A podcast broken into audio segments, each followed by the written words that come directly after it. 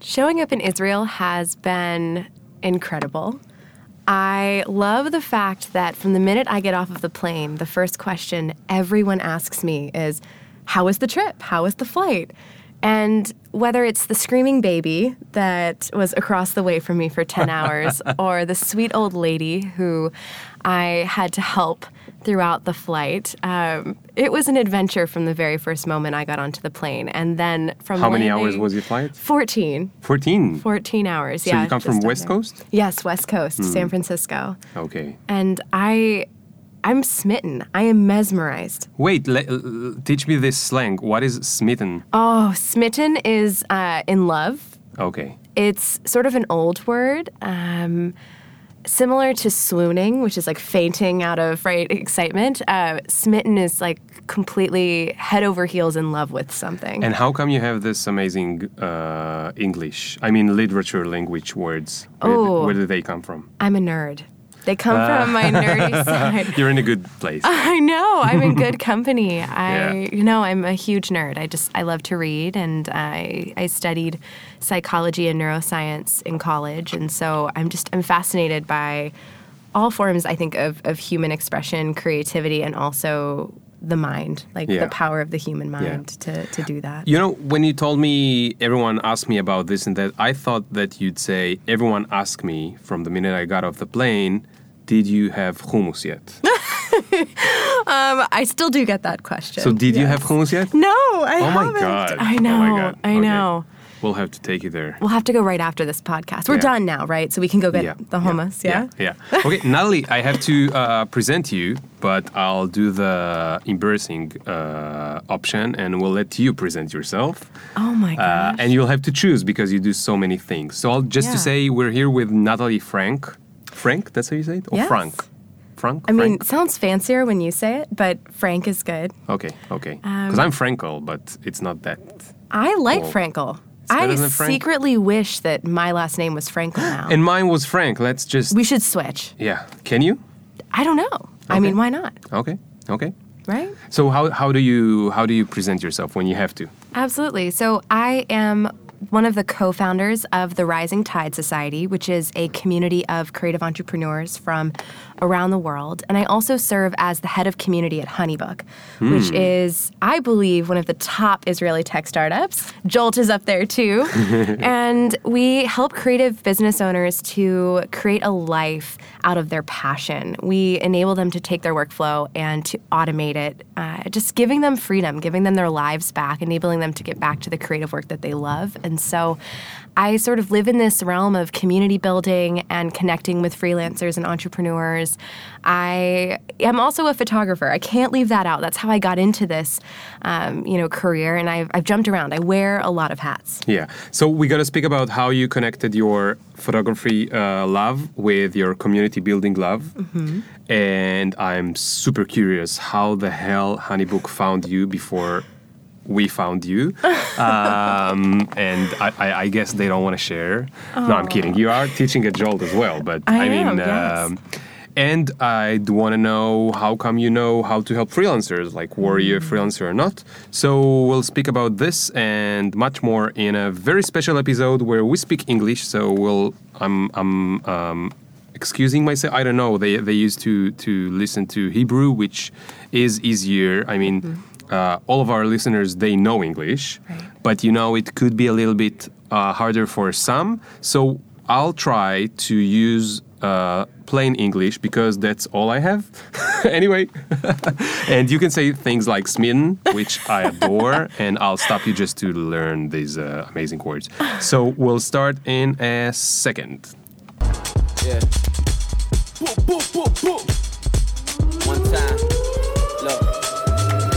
Ring the alarm, hot ass nigga. Big ass head, so my dreams get bigger. Big campaign strong, so my flows get sicker. Confidence bigger than a drunk ass nigga. Look, I'ma work graveyard. Hey Natalie, welcome to Popcorn. Thank you so much for having me. So this is episode 70 something. whoa. Yeah, it's super cool. It means that we're alive. We're me and the popcorn.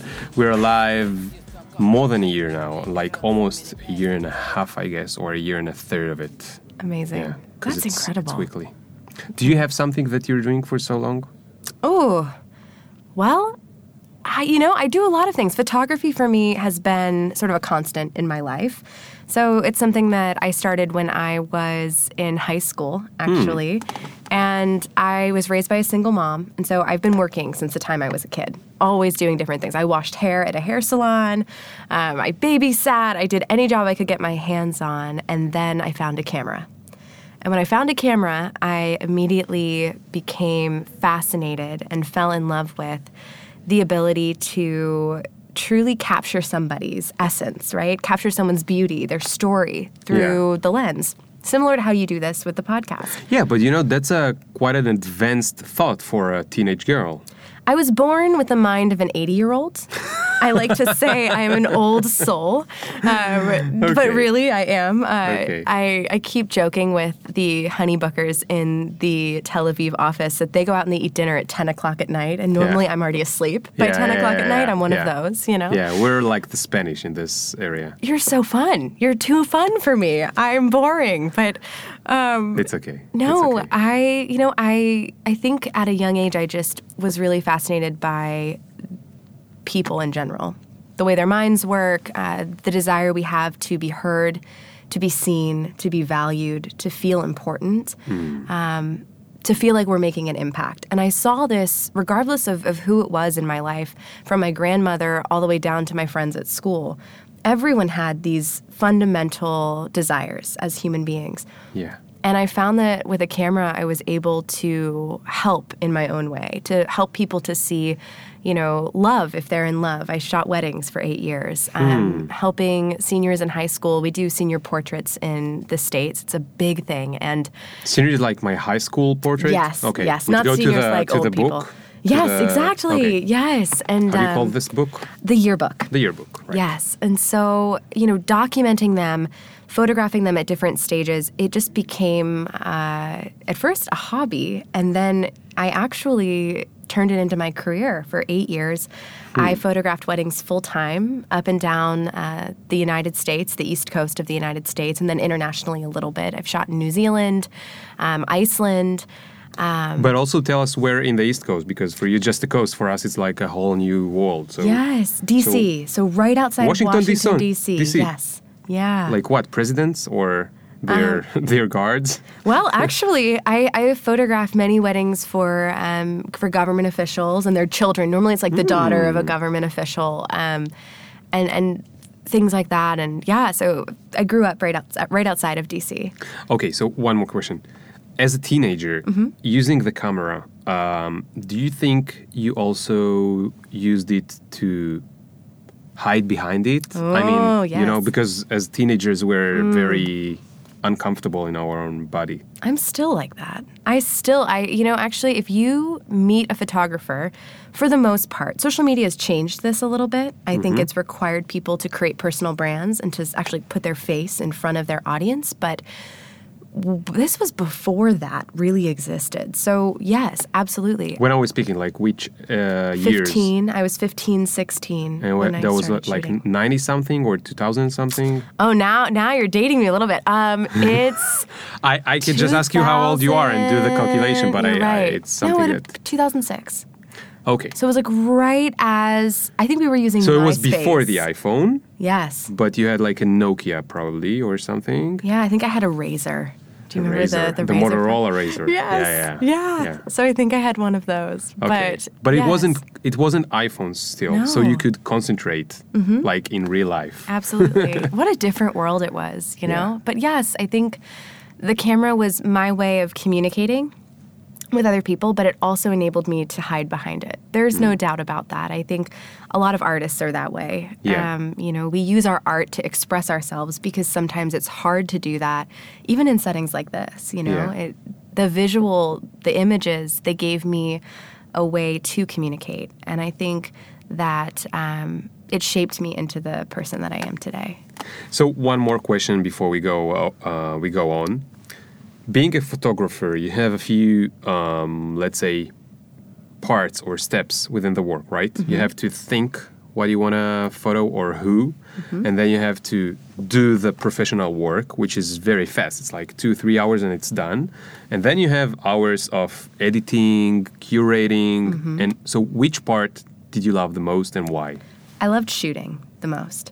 I loved being able to work with clients one on one. I enjoy being with people. I really do. And so for me, you know, the dream world is one in which I have the camera in my hands and that's it.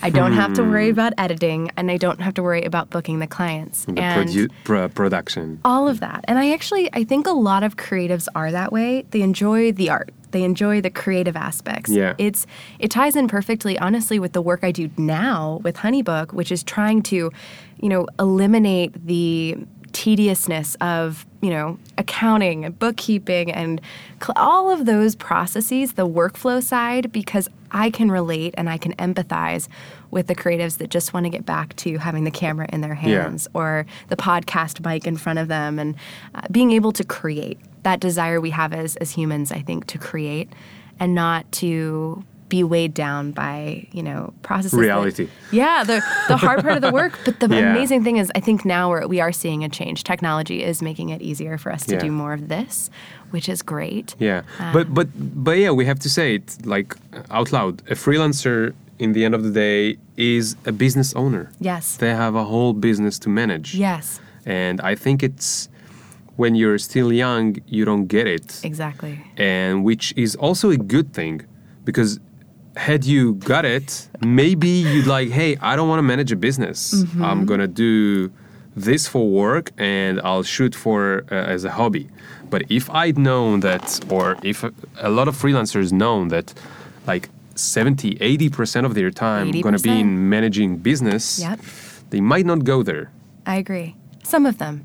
I Some do think there are some rare gems that love the hustle. Yeah. I have met some people that, um, and I sometimes can fall in this category on, on other spectrums. Photography was different for me, but the process of building, like getting in the dirt Mm-hmm. and like creating something from nothing, there are people that, that thrive in that environment. Yeah. Um, I'm still not decided whether or not I'm one of them. There are days where uh, my husband can't stop me from working. It'll be late, and I'm I'm still working on emails or coming up with a great idea that I want to try out or experiment. Um, and then other days where I just want to write and read and be quiet and, Yeah. and be creative. And so, where did you get your inspiration from as a photographer? From the photography side, to be honest, I I really feel like I got my inspiration from um, a combination of a couple places. So one would be, and this is going to sound strange, but impressionist painters. I always loved the soft way in which a lot of the impressionist works would sort of leave you imagining, Yeah. requiring you to. Let's give a few examples for those who are not Oh. who didn't t- uh, study art. Yes. Like, so uh, Matisse, Monet. Um, Okay. You know, it, those are sort of like just the biggest of the names, maybe that you so might. it's 1890 or Yes. 1900 and Be. uh, Someone might have studied some art history. Yes. So it's it's sort of in a period of time where you're seeing a shift even in the way people are creating art.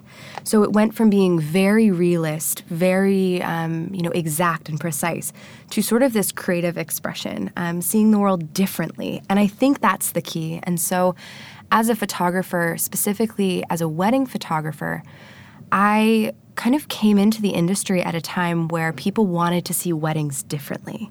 They didn't want traditional images. Hmm. so they had enough with uh, Exactly. Okay. The traditional portraits, two people standing and looking at the camera, it wasn't what this modern uh, group of couples wanted. They wanted lifestyle. They wanted people laughing and crying. They wanted to see grandparents getting up on the dance floor. And these moments that are so crucial, so important to us, but yet aren't the traditional wedding photo, right? Yeah. And so where did you take them? so um, everywhere. I've I've taken uh, photographs all up and down the East Coast. I've taken couples with me uh, at sunset on boats in the middle of the water, uh, hiking on cliffs. I've almost fallen off of cliffs. Um, in the water, I've been stung by jellyfish while shooting. This happened at one of my first. Yes. What? One of my Wait, first, it's ocean water. It's cold, no? no, it's at the bay. So I grew Okay. up on this little bay that was warm enough that in the summer, August, September, uh, we it was full of jellyfish, full of them, Wow. full of them. I've had that happen. Um, We have them in Israel, so you can move here. Actually, Oh, I could. Yeah. yeah, you're used to it. Yeah. I, oh, I'm ready. I've, yes, I'm prepared now. Great. Another reason I don't have to leave. Exactly. Oh man, but no, I mean, I would take them wherever they wanted to go, places that were important to them, uh, adventures that they went on together. A lot of people would even bring their pets, bring their dogs with them for their shoots. Okay, so now here's another one. Yes. Um, okay, so now you have a new couple, like couple that are new clients. Mm-hmm. Yes. And they're like, hey, we're gonna do this, blah blah blah. We're gonna get married, and so you have two options. Okay, I'm I'm speaking as a mm, semi-creative person to a creative person. One option is I have these tricks. They always work. I try them a million times. I'm gonna do this. They're gonna be happy, and we can, you know, go to the next job. The other is like, oh my god, I have to think about a new idea every each time and make them something super unique just for them. Mm-hmm. On where are you on this bar? I'm right in the middle. I think I start off every session by doing what I know will make people comfortable. So I start off really easy. And that's the key. I think it's, and that, you know, that applies to any client relationship. Like if you have a good process and you're able to, you know, build that relationship, and that's sort of the first part of my workflow. Um, and in shooting, it's the same way. The first couple poses I would do are pretty much the same at every single shoot. And then once I see their walls come down, once I see if it's a couple, they start to get more comfortable. They're leaning in closer to each other. They're forgetting I'm there. You know, they're really together and in love. Then I can get creative. And I start to really pay attention not just to my own ideas and what I want to accomplish, but to them. What makes them unique? What for that couple is something that captures who they are, captures why they fell in love, what they love about themselves and one another.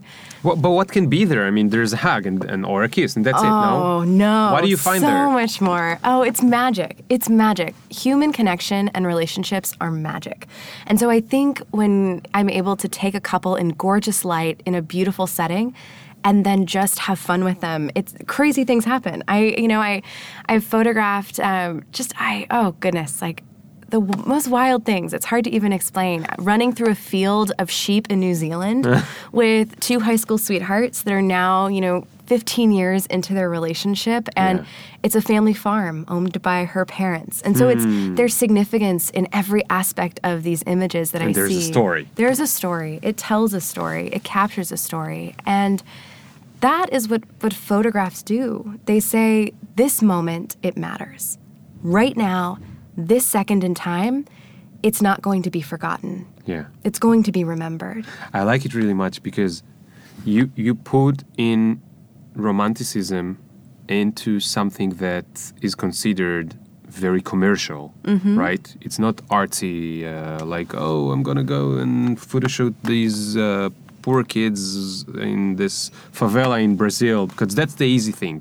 But the hard thing would be, how do I take a photo of this couple which look normal and they have normal life thanks god for them um, and make something special out of it it's it's it seems like to me now it seems like a harder work you know than just going to the favela because there everything will look sexy or interesting or the story is is almost you don't have to work to get a story Yeah, I think for me, it, it comes from a love of just life. I love life. I, I do. I, I love seeing the way that people express themselves, the way they live, the choices they make, the people they love. Like, I find that fascinating. I, I do, and so it how, wouldn't. how did, where did it come from Oh, being a curious child that has the mind of an 80 year old. I think that that plays a role. But no, I, I studied uh, psychology and neuroscience in college, and I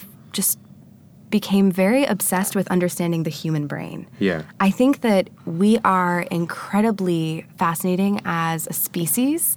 I think that there are a lot of things that set us apart from all the other animals on planet Earth. And I just, I find it fascinating from our ability to empathize with one another, um, the way our neurons work in, in systems in our brain, the way that we have an entire section of our brain just dedicated towards recognizing other faces. Hmm. It's that and crucial to us. And animals don't have it?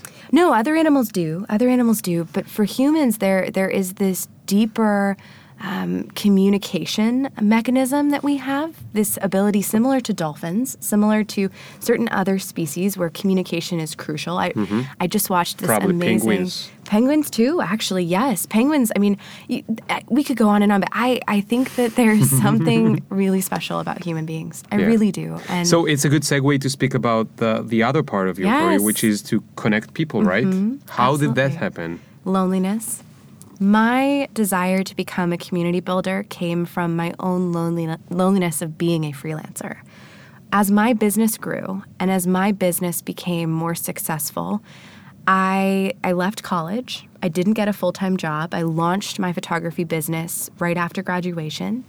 Where did you used to work? Like where where was your office? At home? Um, so I had both an office at home and I co-worked in a lot of spaces, similar to like a WeWork, right? Yeah. Um, in my hometown, and I loved it, but I also found that working alone was isolating, and working behind a computer all day was isolating and lonely and and sad, and it made me question the long-term success of freelancing if there isn't community built around it. Yeah. It made me think this one thing that I love that gives me freedom, that lets me pursue my passion, it could be destroyed by the simple fact that I am alone in doing it. Yeah. And so I decided that something had to change. I had to do something about it.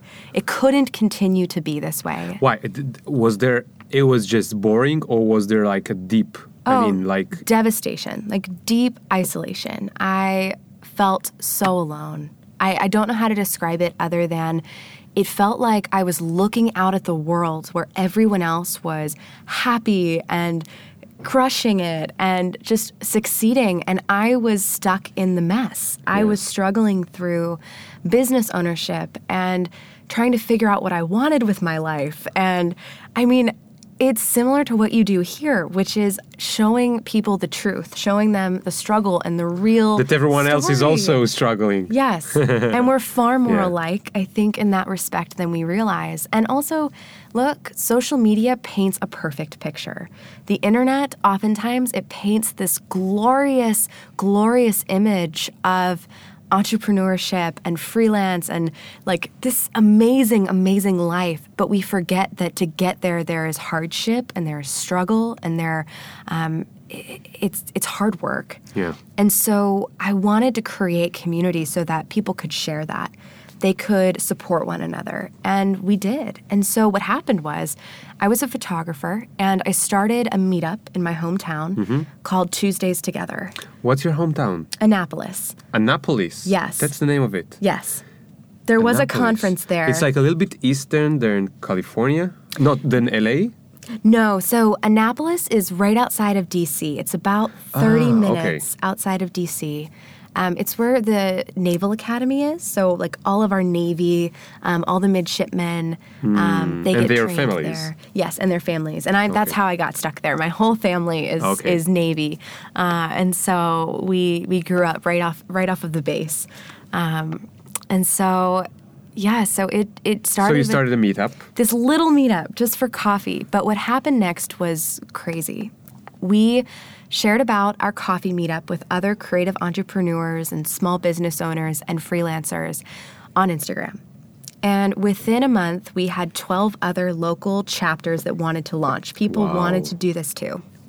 And so we went from being, and I say we, it was myself, my friend Krista, our husbands, because they were the only two people we could get to help us for free and volunteer at the time. We said, You're stuck with us, so mm-hmm. you've got to work for us. Let's do this. And we came together and we, we started the Rising Tide Society. And it was honestly a coffee meetup at the very beginning, but it became so much more. Um, it grew and grew and grew. And to give everyone context, today we're just under three years as a community, and we have over 420 chapters now Wow. around the world. Wow. Around the world. And, you know, it was born from that same pain that I felt. The minute we communicated that and we, we explained, hey, we need community as freelancers, something just happened. It Yeah. was it was magic. It really was. And um, that sort of led to the rest of my career. I actually stopped shooting weddings full time. Wow. I took that scary leap of putting down my camera uh, and stepping into community building and working for Honeybook and you know heading out then we moved from the east coast all the way to the west coast of the united states to san francisco in the center of the tech world and silicon valley to work with honeybook to find ways to build community among these creative freelancers and to actually help them not just from the community side but also from the technology side Yeah. building a platform that that empowered them So wait, wait, wait. I have to tell you something. yes um, um, around the podcast and and my book uh, developed uh, a community. We call it the the people of the new world, and they're from all over Israel. And we're meeting, but only like once every two or three months. It's really hard to produce a meeting. Right. And a lot of them are interested in doing this, so I can help them create something similar to it. Amazing. But I need to be honest and ask you when you guys started, how much effort did you put into it? Like, was it a side thing? Because then you tell me that you moved your whole career into it. Mm-hmm. So, how, how easy or hard do you think it is to do? I think it's hardest at the beginning. I think anything is hardest at the beginning. An airplane uses most of its fuel to get off the ground, right? Momentum needs to be built. And so the beginning is very hard. I started and it was sort of a side hustle. We did it outside. We're still running our businesses. So we would photograph weddings on the weekends and then, you know, edit during the week but I outsourced my editing. So someone else actually would process my photos with my recipe on them. Mm-hmm. And I used that time to build Rising Tide. And so it started small, just a couple hours a week. And then it became more as it grew. But it was by far uh, some of the hardest days was, was getting that to start. I mean, we worked late into the night, early in the morning. I would barely sleep at all for this first couple of months, but we were fueled, I think, by that passion. But why did you work so hard? What did what had to happen? I needed to make an impact. I needed to see these lives changed. For me, I knew that if we didn't do something, that there would be another, for, and this is how I view it, there would be another girl like me 10 years from now with a dream to do something great, but no community to support her. No group that could say, hey, I've been there. Hmm. Here's what you need to Got it. know. Here's what you need to do. And I couldn't live with myself knowing that I didn't give it my all. I didn't give it 100%. And I should add, you know, I at the time was also going through just some some health stuff. I had found out uh, shortly before we launched Rising Tide that I had a brain tumor, and this Wait, what? news. Wait. Yes, yes. I, I, almost lost you for a second. I know. Um, a brain tumor, and when did you? When did you? we found it when I was realize it? 21. When you were twenty-one. Mm-hmm.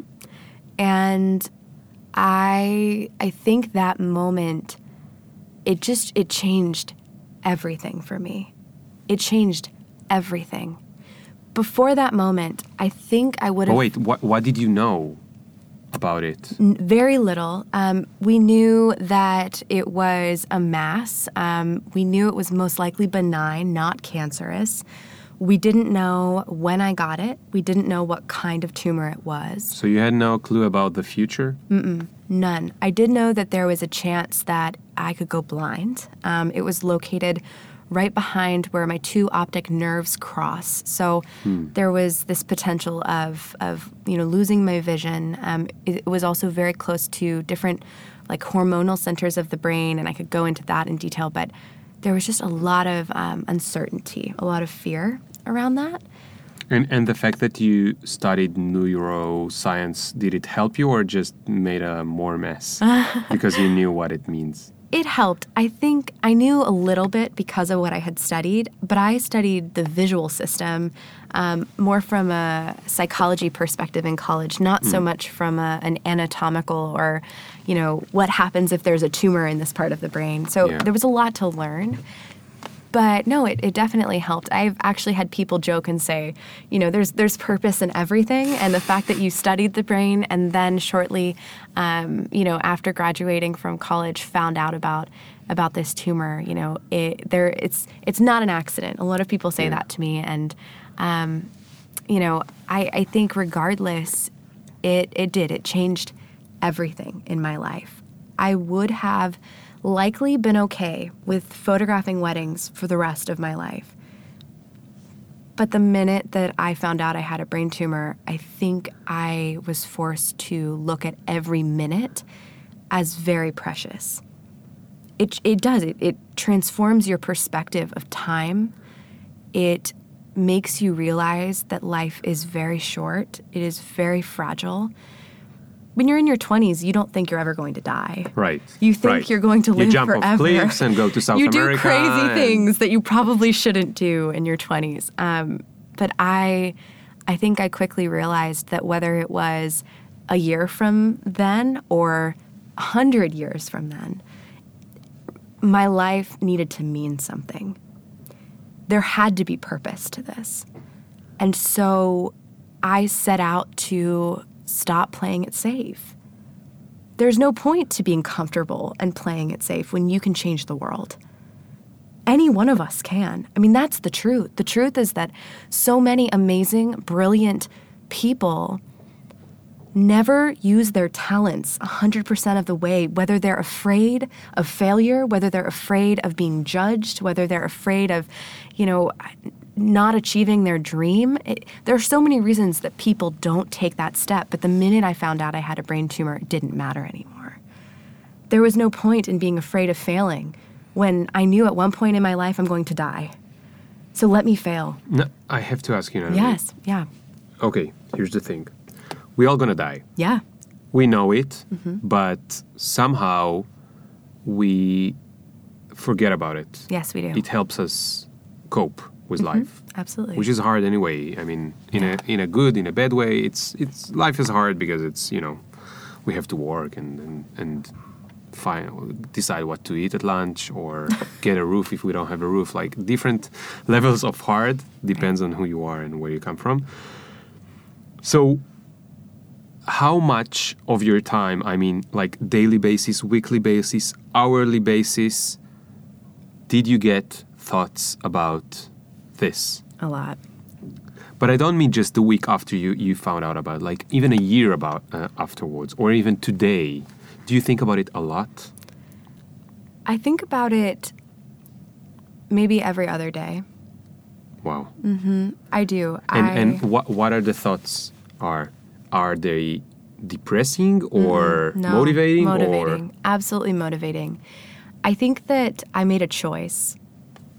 I made a choice very early on that this could either destroy me, make me afraid, make me feel like a victim, make me nervous at any moment. You know, I could something could happen, um, and I lived that way for a little while. Right after finding out, you know, there was a period of two weeks maybe where that was it was just fear. But then I had to make that choice, which was this thing can either stop me right now at 21 in my tracks and make me play it safe, or this thing can be my motivation.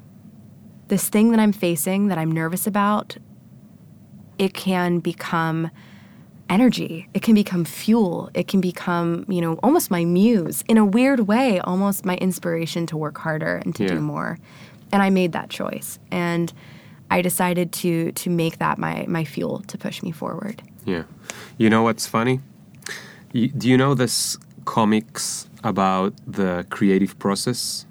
I might have seen it. So it, it, it shows a, a bar of time and then it says the creative process. And then the first part, it's like um, thinking about the work but doing nothing.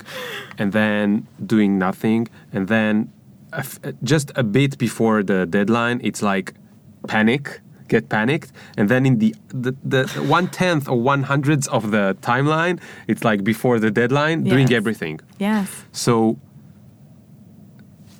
when we have deadlines, Uh-huh. we are s- much more motivated. And what you're telling me here is that you always have a deadline and no one is willing to tell you when it is. So it's just always super motivated. I have never heard anyone describe it like that, and that is absolutely how it feels. I think that it's we all have a deadline, we just push it off.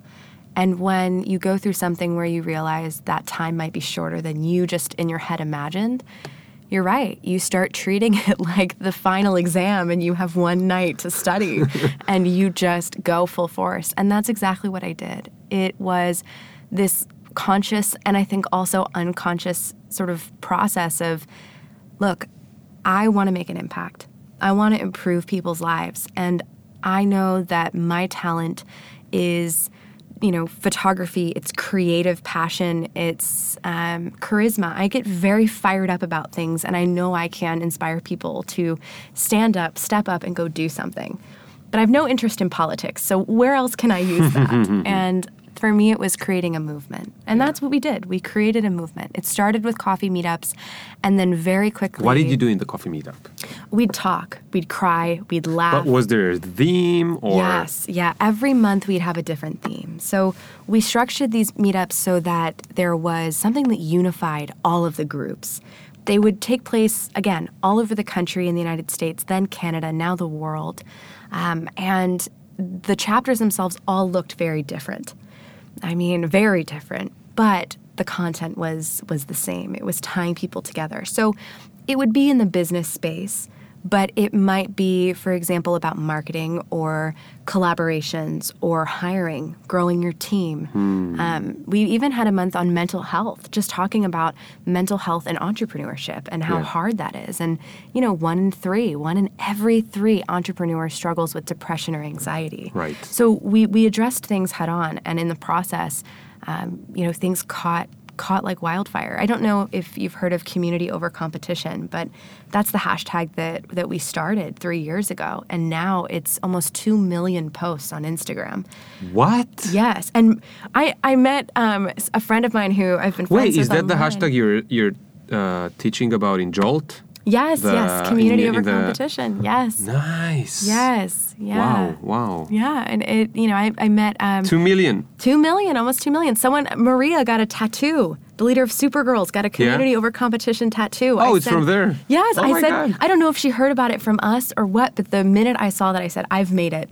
I'm done." That is that is the highlight of my career, Yeah. having someone By the way, that she was here, incredible. like, Oh, in one of the first chapters. She's incredible. She is one of the most inspiring women I have ever met. And so, again, to me, I'm like, this is a career top moment. Um, Okay, Is knowing okay. that she got a tattoo. So community over competition. So let's speak about it for a Yeah, bit because when you're a freelancer, when you're creative, you feel or a small business owner, you Mm-hmm. feel like everyone you find out about they're doing the same. You're like, ah, he's taking my clients. Exactly. What am I gonna do? Exactly. So there is this fear among entrepreneurs, freelancers, that the competition out there is scary. It's big, it's bad, it's going to get them. And isn't Uh, it? No, it's not. I I, I want to clarify one thing. When I say community over competition, people often think that I mean I don't believe in competition, and that's not true. I love competition. I think competition is in any like anything else, it can be used for good. It can inspire us to work Can be harder. healthy. Yes, it can be so healthy. But I also think that there's a little uh, a little caveat, and that is as long as we put people first, just in general, that we're good human beings in the process. Meaning, I want to succeed, but not by stepping on other people to get there Yeah. right? I want to look out for other people. I want to ensure that, you know, we have integrity in business. Like these very fundamental things that I think uh, oftentimes we don't see or we don't. You know, we, we are afraid almost that they, they won't exist. People looking out for one another. Stealing clients is a great example. Um, stealing ideas. We see this in tech a lot. You know, we we stand up as a community and say, look, we believe in supporting one another. We believe in looking out for one another, and that means treating one another with respect, being kind. Um, and I, it, it, you know, in the beginning when we started talking about this concept, a lot of people laughed and they said, "You know what? Good for you, but no one is going to get together that's competitors. They're just not going to do it. They're not going to sit around a table. They're not going to share knowledge with each other." Yeah. And I said, look, it's a mindset of abundance. That's all it is. It's it's mindset of abundance that says Abundance, uh, if you're not sure, it's Shefa. Mm-hmm. Yeah, because in, in, in Israel we talk about uh, a lot about it, like tarbut shefa, culture of abundance, or Mm. the the toda'at shefa, it's the awareness of abundance. Right. It's the same idea, but in business. Thinking there's enough for me. There are enough clients for me. There are enough podcast listeners for me, or you know, people that want to read the book I'm going to write. Yeah. I don't have to worry about the other authors out there. If anything, by supporting them, I'm going to, you know, build a community around that and our readers can all read the books. They can Right. read all of it. The podcast listeners, they probably listen to, you know, three other, four other podcasts. This is obviously their favorite podcast. Yeah. You know, but but it's this mindset that there really is enough to go around and it's it's not being afraid. It's not having I like to say abundance um, versus scarcity. I don't know if there if there's a, a good Hebrew word for Yeah, scarcity. scarcity mahsor. Okay. So, okay, about this versus scarcity. To speak about it for a second. Yeah. Um, um, okay, so I have this question. Sure. It's an advanced question. Okay. So I believe in this just like you. And also we, we, we speak about it in, in the the New World uh, people community on Facebook. The description says that we should help each other and, and share knowledge and we're even sometimes when, when someone says, um, "Oh, speak to me on private messages," I'll I'll give you the the hint. So others are, are writing back, "Hey, why in the private messages? Just say it here, and we we all can learn." So I truly believe in it, and I really believe in it. Yeah. But, and here is my advanced question because you are thinking about it for the last three years, so True. maybe you have an answer for me. You're a good person. You're an honest person. You want to do good. You will not step on others. Mm-hmm. And you can find many more people like you and build a community around that. Mm-hmm.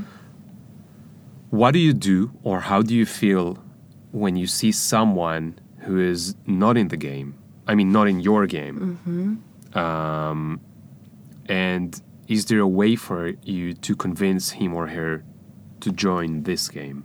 Mm. Because the way the the place we come from is not about abundance. We come from the neoliberal Western world. We didn't. We were not born in India. Meditation and abundance is not something we, we were born with. Right. We were born with, you know, w- the wolves of Wall Street and Literally. I mean, literally, uh, growing up in the 80s and um, and uh, getting more means that someone else get less. And still in this world, a lot of dominators like Amazon, Facebook, Google, they go and they take as much as they can from everyone else, and they don't give a f- fuck. Sorry, it's my podcast. I can say fuck. Uh, they don't give a fuck if like a hundred different businesses will get closed up. They just don't see it. They don't care. So, what do you do when you when you bump into such a person, or wh- what's like? Give me some optimism. Yes. Oh.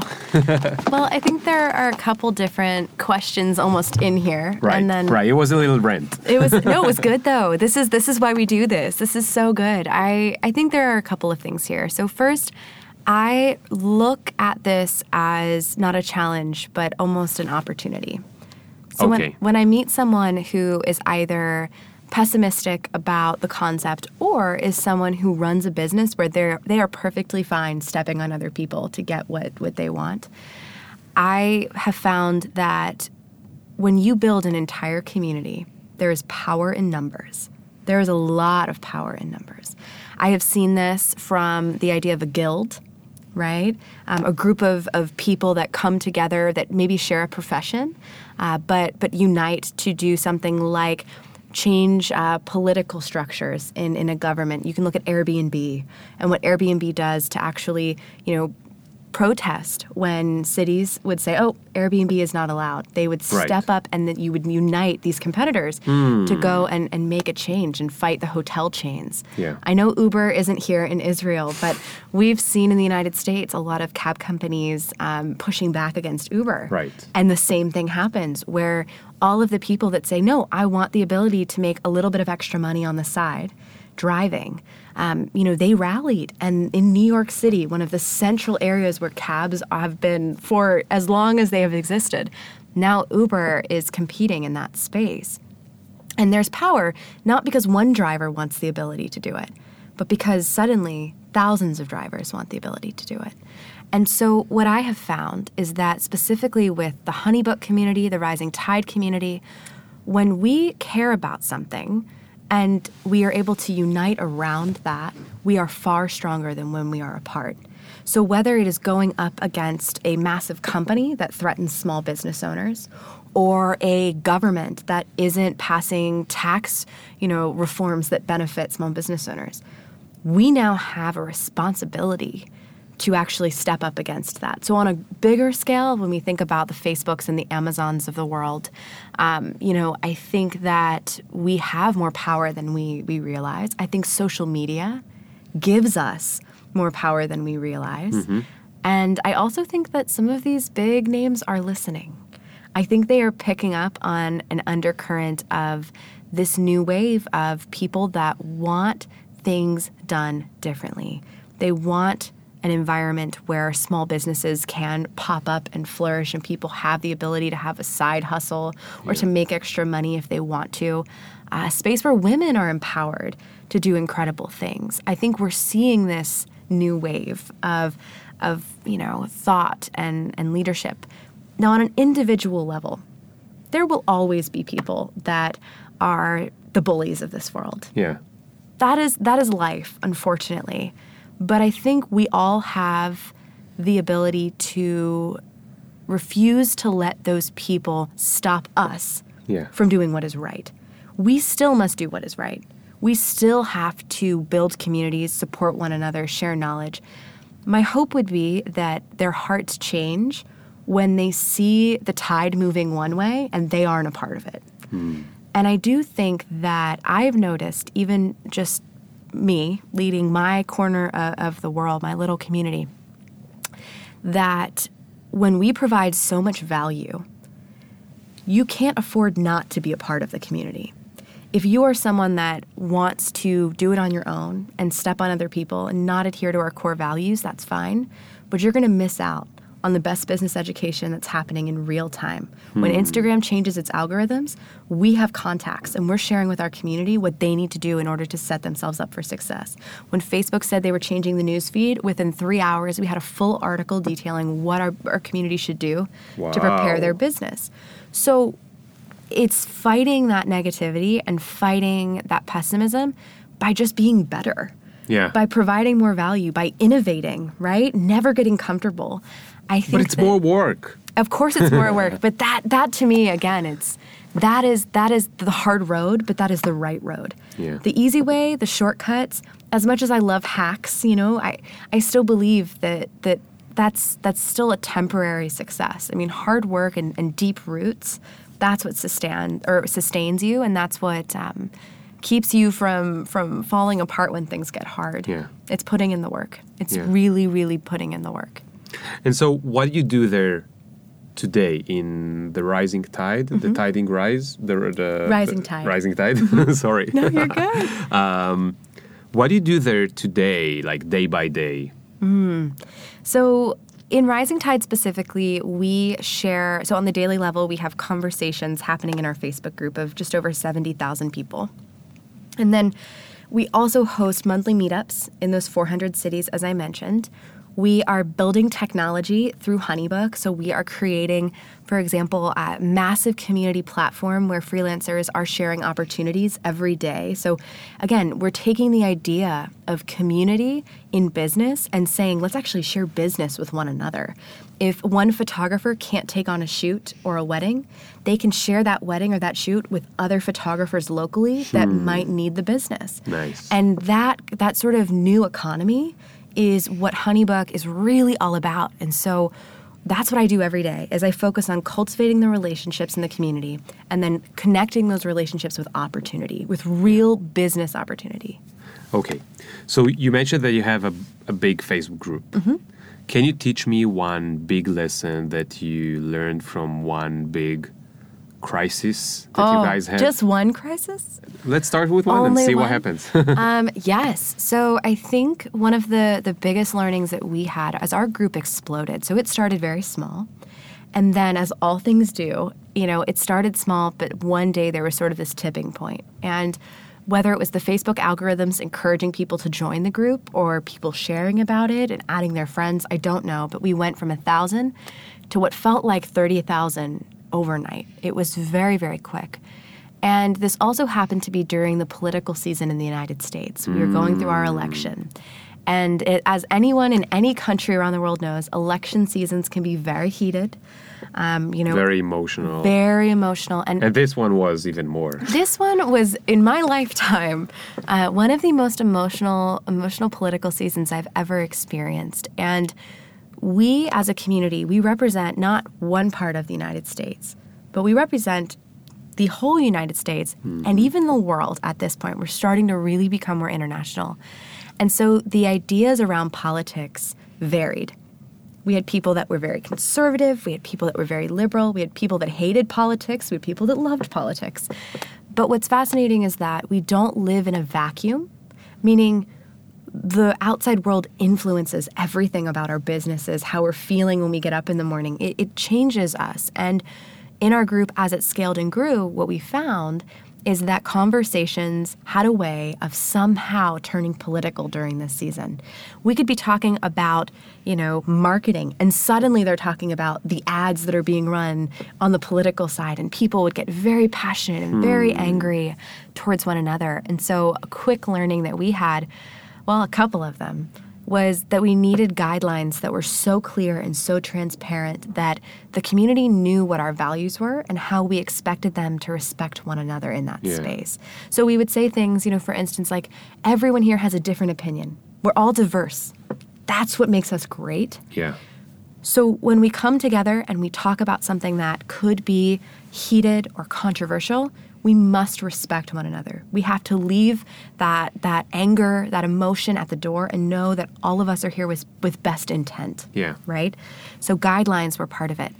But I also think, you know, growing the team, that was something I learned. I thought, you know, oh, we can do it on our own. I can do it on my own.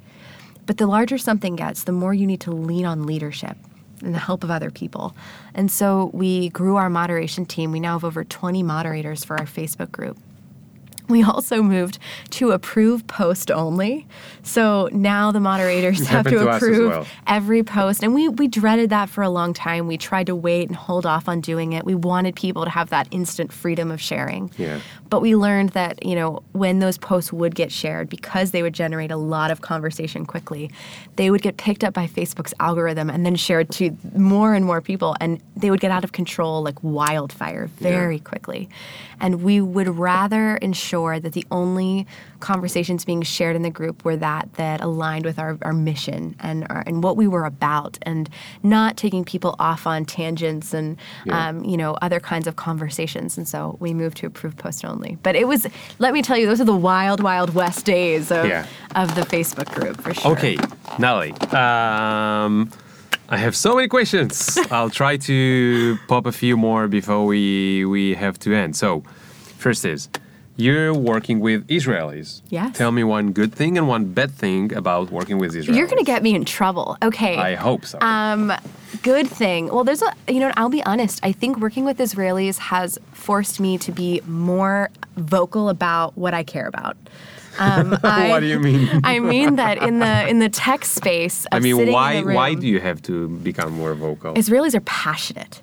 When, when they have an idea and something they care about, especially when we're building products, there is a sense of passion that I wish the rest of the world had about things that they care about. And so we'll be in a boardroom where, in a normal, I'm telling you, in a normal environment, US normal is what I'm saying, like growing up, people were very quiet about this is what I think, and then they'd wait. And in an Israeli environment, I, I thrive under watching these brilliant minds just shout at one another about these product concepts that they want to see come to fruition. And there is so much passion that it, it you can't Yeah. like you can't sit in that room and not get fired up about what we're working on. And You so know that this morning I literally ran from my home because I had this idea that I had to speak with Nadav, the CTO of Jolt, that we have to create today and publish it. it. tomorrow. I love it. And I wanted to meet him so much to just get his feedback on the idea that I literally started to walk faster and faster until I ran. And it was I felt stupid. No, but, that's, I mean, that to me is incredible. And I think that's one of the reasons why you see some of the most successful tech startups in the world coming out of Israel. okay, right what's what's bad?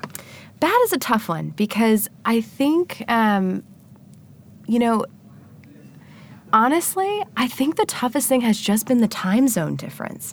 Having to work sort of with a team, and if you're familiar with HoneyBook, you know that we have what we call one office, but it's spread across you know two countries. So we have an office in Tel Aviv and an office in San Francisco, but they look the same. Uh, they're literally created exactly the same. They look very alike.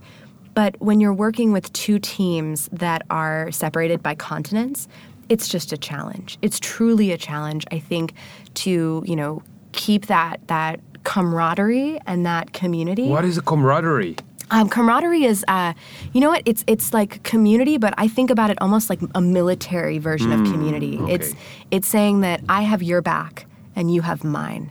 Like it's almost like life or death style yeah. support of one another. So how do you create it with this huge? We have an amazing, amazing um, operations team. I mean, events. We so for example, um, I'm going to mispronounce it, but Purim, Purim. Purim. But I can. I never can say It's okay. Purim. Uh, Purim. I had never heard of it in the United States. I had Yeah. never heard of it until I joined Honeybook. And we spend an entire morning sharing about the history of the holiday, why it matters, why it's important. And in San Francisco, we dress up with our Israeli coworkers. Mm. Nice. And so it seems silly and it seems fun, but it taught me a lot. I, I've learned so much about, you know, our amazing, amazing CEO, Oz, and the stories he grew up hearing as a child and learning about what it means to be a hero. I mean, he told me this story about, um, you know, it, it, growing up in Israel and and hearing about a room full of soldiers and a, a bomb thrown into the middle of the room, and one individual dives on top of it to save the rest. Yeah. And he said, that's what a leader is. And I get emotional when I hear that because to me, that is what a leader is. A leader sacrifices themselves for the good of others. Yeah. And I think that I, I, I take back what I said about the best part. That's the best part. There is a desire to serve people, to protect one another, a family feeling in the Israeli community that I think is unique in all of the world. There is a bond here that I have not felt anywhere else. And I think it is that desire that a leader isn't the Superman with the cape that American children are taught to look after, right? And that's what we see with the Kardashians of the world and the celebrity that I do think America is very obsessed with, and I'm guilty of this myself. But I think in Israeli culture, what I have seen as an outsider looking in is admiration and love for a leader that lays down their life for others, that really cares. You see tech companies that are coming out to change the world, and I don't think that's by accident. I think Israelis have a unique desire to truly, truly make the world a better place. And I, I, I've been inspired by that. I really have. And I've learned a lot. I think I'm a much better community builder because I've been surrounded by a bunch of Israelis. um, and I've learned what community really can look like. So I've been blown away. So, how much of your time is really spent on community, and how do you communicate with the team in Tel Aviv? So I would say that I, I believe community impacts everything in a company. I think we live in a world where community is marketing. Community No, but now I meant communication. Oh, communication. communication. Ooh, that's a good question. I think we're lucky that we have things like Slack Mm-hmm. and obviously email, Google Hangouts. So we're in constant communication with one another. Yeah. But I think, you know, we might we get lucky and have about two hours on the West Coast where our Israeli team is really still working. And so we use that. They work late. They work so hard, um, you know, and it, it'll be 7, 8, 9 p.m. Uh, Israel time, and it's 9, 10 a.m., 11 a.m. Yeah. Pacific time. Yeah.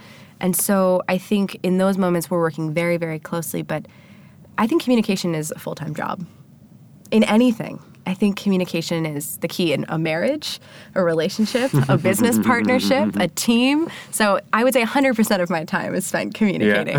um, it's just about what, right? But are isn't it also frustrating? Yeah, it can be. Like I think more there's so, so, many them, things but that yeah. can fall in between Yes. or not synced as well as and and and I'm I still feel that I don't have the tools to communicate properly with a remote like San Francisco based uh, Mm-hmm. office. It's it's such a challenge. Yes. It's such a challenge. But but, but let me ask you something even more tactical. Mm-hmm. So you have this 420 chapters Yes. all over the world. Yes. How do you guys communicate? We communicate every single day. So we communicate using Facebook. We have a Facebook group that we use. Every single day Every you talk to 420 people? yes, because you can not individually, but as a as a cohort, as a group, we do. Um, we have our our leaders group. So they're all there's actually 600 of them because some chapters ha- have multiple meetings. I know Houston has like four meetings in one day. Um, it's a very big chapter. So with those 600 leaders, we meet with that. I mean, like truly, every day they're asking questions in the group, we're answering them. We do video style conferencing with them in that Facebook group that they can watch at their convenience uh, once to twice a week as well. So, actually, putting our faces uh, in front of that community is crucial. We email with them. I mean, I think that it has to feel like a part of their lives. That's like the, the peak point of, of when we talk about community. I teach people on how to build community. And sort of one of the final stages is as a leader, you so self identify with this community that you feel like its success is your success. You are a part of it in every way. Yeah. You would tattoo it on your body if you could, right? Yeah. Um, and I think in order to keep that that commitment, we have to be constantly providing value and support and knowledge to that group and um, nurturing those relationships because that's it is it's it's a human relationship. So every day, So do you get tired of it sometimes? yes, of course, of course, but It's never stopping. it never stops, but Wow. that's why I think all of us should understand our motivations. So, one of the, the best lessons I learned very early on was what motivates me? What actually, truly lights my heart on fire? In a selfish world, if I could just win in one way of my life, how would I want to win? For some people, this is financial. Making money makes them feel like they're winning and they're happy mm-hmm. and they're motivated by financial gain. Some people are motivated by impact. They could care less if they're not making a dollar, but they want to go teach in a foreign country or build wells in in a desert, right? They they feel like impact is 100% of their motivation. And there are a couple different examples of motivators. But I learned that I am very much motivated by impact. That is one of my sectors. But also, um, I I am motivated by like words of affirmation and recognition from the people that I'm working with. So knowing that and knowing the weak points of those two motivators and knowing the strengths of those two motivators have have really helped i think just in getting over the fact that it's hard and getting over the fact that it's every day because it's about the why why am i doing it i'm purpose driven i'm impact driven so when i can sit down and say today sucked today was terrible everything went wrong but why am I doing this? As long as I can answer the why I'm doing this every morning when I wake up, I will keep doing it. Okay. And the day I can't answer that question and I don't feel like I am making the impact is the day I do something else. Like when I changed from wedding photography into community building. And who knows what the next thing in life I will do is, but I know that it will come at a time when that that impact either changes or my why, you know, why am I doing this becomes a well, I don't know. And the minute that goes from I'm doing this because I see lives being changed I see the impact being made and I'm giving 100%, even if I'm failing, I'm giving 100%. To me, that that's what I need. Uh, that is what what drives me. Again, I think everyone's different. I think some people say if I'm not making money at this, Yeah. I am out. I am not doing it, Yeah. and that's okay. Like that's fine. That's a Yeah. motivator. Um, Okay, so one more question. Okay. How do you? Um, it seems like you have a lot to do, Mm-hmm. but also the thing about community, um, there are several several things. For example, marketing, Mm-hmm. yes. and a different example is uh, community, which there is no um, final line. You can always do more. Mm. Yes, you and can. the more you're um, um, attached to it, Mm-hmm. the more you tend to lose um, sleep and control of, of, of your time. So here's my question. It's like it's not your first day, it's your third year Right. and, and probably um, soon fourth year. So how do you protect yourself or your time mm. from that thing that you love so much? And I ask it for one reason. I don't give a. I mean, I don't care about whoever listens. I ask it because I want to know the answers so Yes. much. I think burnout is kind of what we're hinting at a little bit. Do you know the phrase burnout? Burnout, yeah, it's like when I, I did so much that now I don't want to do anything. The thing that you once loved becomes the thing that you can't stand. Hmm. This is a risk I think we all run. I mean, it doesn't matter what you do. I think it could be launching a business, building a community, you know, doing a podcast. Um, we run the risk when you are so passionate about something. The negative of that passion is very intense. So how do you protect yourself not to burn out? Well, I think I am someone who is learning that every single day. I am not an expert in this, and I think maybe that's the whole point of podcasts like this is the honesty of saying I get at play or I get to points quite often, honestly, where I'm frustrated, I cry. I mean, I get I'm a very like intense person. And uh, I will I will go back uh, from work. I'm thinking of a couple days in particular, and I just unleash. I'm upset. I am devastated. I'm frustrated. I feel all of the things. And for me, it's been learning how to balance Yeah. it's been learning how to balance. I, you know, started. and I knew we you said meditation, and but no, really, like I I've started going to yoga and meditating, finding my sort of quiet place in the world. I know that I am an introvert. I fall sort of in the middle. I'm an ambivert, but I'm I lean towards being an introvert, which is more reserved. I get my energy by being alone, not by being with other people, which is funny for a community builder. But Yeah, yeah. I've actually been told. Um, uh, it was Douglas Atkin, who is the global head of community for Airbnb. He told me introverts often make the best leaders. I found that fascinating. Um, Mm-hmm. I, heard, I heard it. I mean, not this specific one, but You've I, I it? see it. I see it happening. Yes. And so I think for me, it's embracing that about myself and saying when it gets tough, just finding the balance, making time for me, um, reminding myself that my identity isn't built in, and this is this is maybe is the main point. Your identity, we, we like to think that our identities are built in the things that we do. But the truth is that our identity is within us all along. It doesn't matter whether I am Natalie, the wedding photographer, or Natalie, the community builder, or Natalie from Honeybook at the end of the day, I'm Natalie.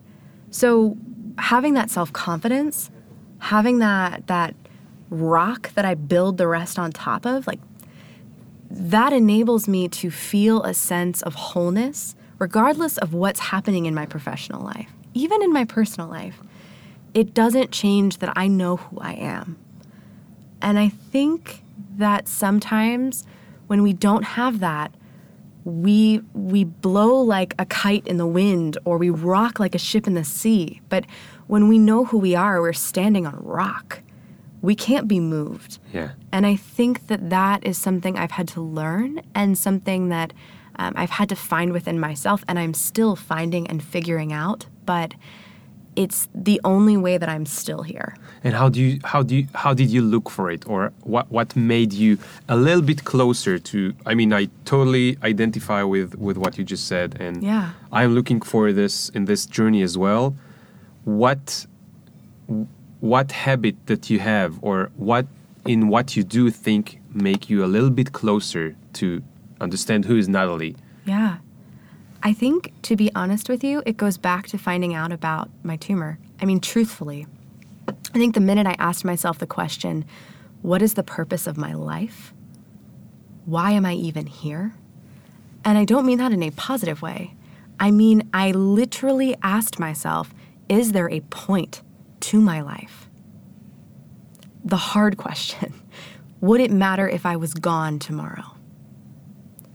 Would I have made an impact? That line of questioning and really struggling through that, that led me to the realization that every action you have every day, every interaction, this moment, it's going to change not just my life, but it's going to change the lives of everyone listening. And by doing that, just by virtue of doing that, you've changed the world. Saying hi to someone when you walk through the door. It seems small, but maybe you're empowering them just a little bit more. The, these little actions, I, I realized, I think, just how connected we are and also just how valuable every breath that you breathe, every breath that I breathe, it has purpose, it has meaning. And for me, it was it was going to those hard questions. I don't think anyone can do this for you. Like this is the hardest of work that we face is understanding our own worth and value. No one else can tell us. No one else can be that value to us or that worth to us. Um, not even my husband, who I love, and I I say to him all the time. I say, "You're the most important thing in my life. I I can't imagine my world without him." And even yet, he can't make me love and trust and value myself. Only I can do that, and only you can do that for you. And I think that's that's hopefully the the biggest takeaway that I can leave people with is whether you build communities or are an Instagram guru or you know have a podcast, create a startup, work in marketing, write, I, whatever it is. If if you're doing that from a place of your own self worth, self value, and desire, knowing your motivations to help other people and, and to impact other people, I think that it's a, it's a good place to start, and then it's just hard work from there, figuring out the rest. Okay. I have to tell you something. In the end of every episode, Mm-hmm. I have a question that is it's this similar question. How would I call it? Yeah, Like the, the same question that I ask Mm-hmm. everyone. And the question is imagine that you're on an airplane and the airplane is going to crash and then you have 4 minutes and so, what do you think? What are you sorry Hmm. that you didn't have the time to do? Wow. But I feel like I don't have to ask you this question because you just made me understand that you live with this question Every day. every day. So I'm sorry that it might sound like a cliche, but I am I just got emotional here. Oh. so we'll have to end this episode right now. Uh, I was waiting years to say episode instead of uh, perek. Episode sounds uh, so much more. Uh, um, so thank you everyone for listening. Thank you Natalie so much. Thank you for having me. for being so open and honest and sharing your the good and the bad together. And um, that's it. Um, until next time. Thank you guys. Ciao. Niggas and notices all nine inches. Something like my dick is. Hit it when they mention. Did you get my mentions? Question. Do you even fuck with a nigga like me? Will you want me in about three days? Really? IDC. Cause every time a nigga talk, they can't see the big up picture. Fuck your filter. Me can't go run, but me can't repeat. Nah.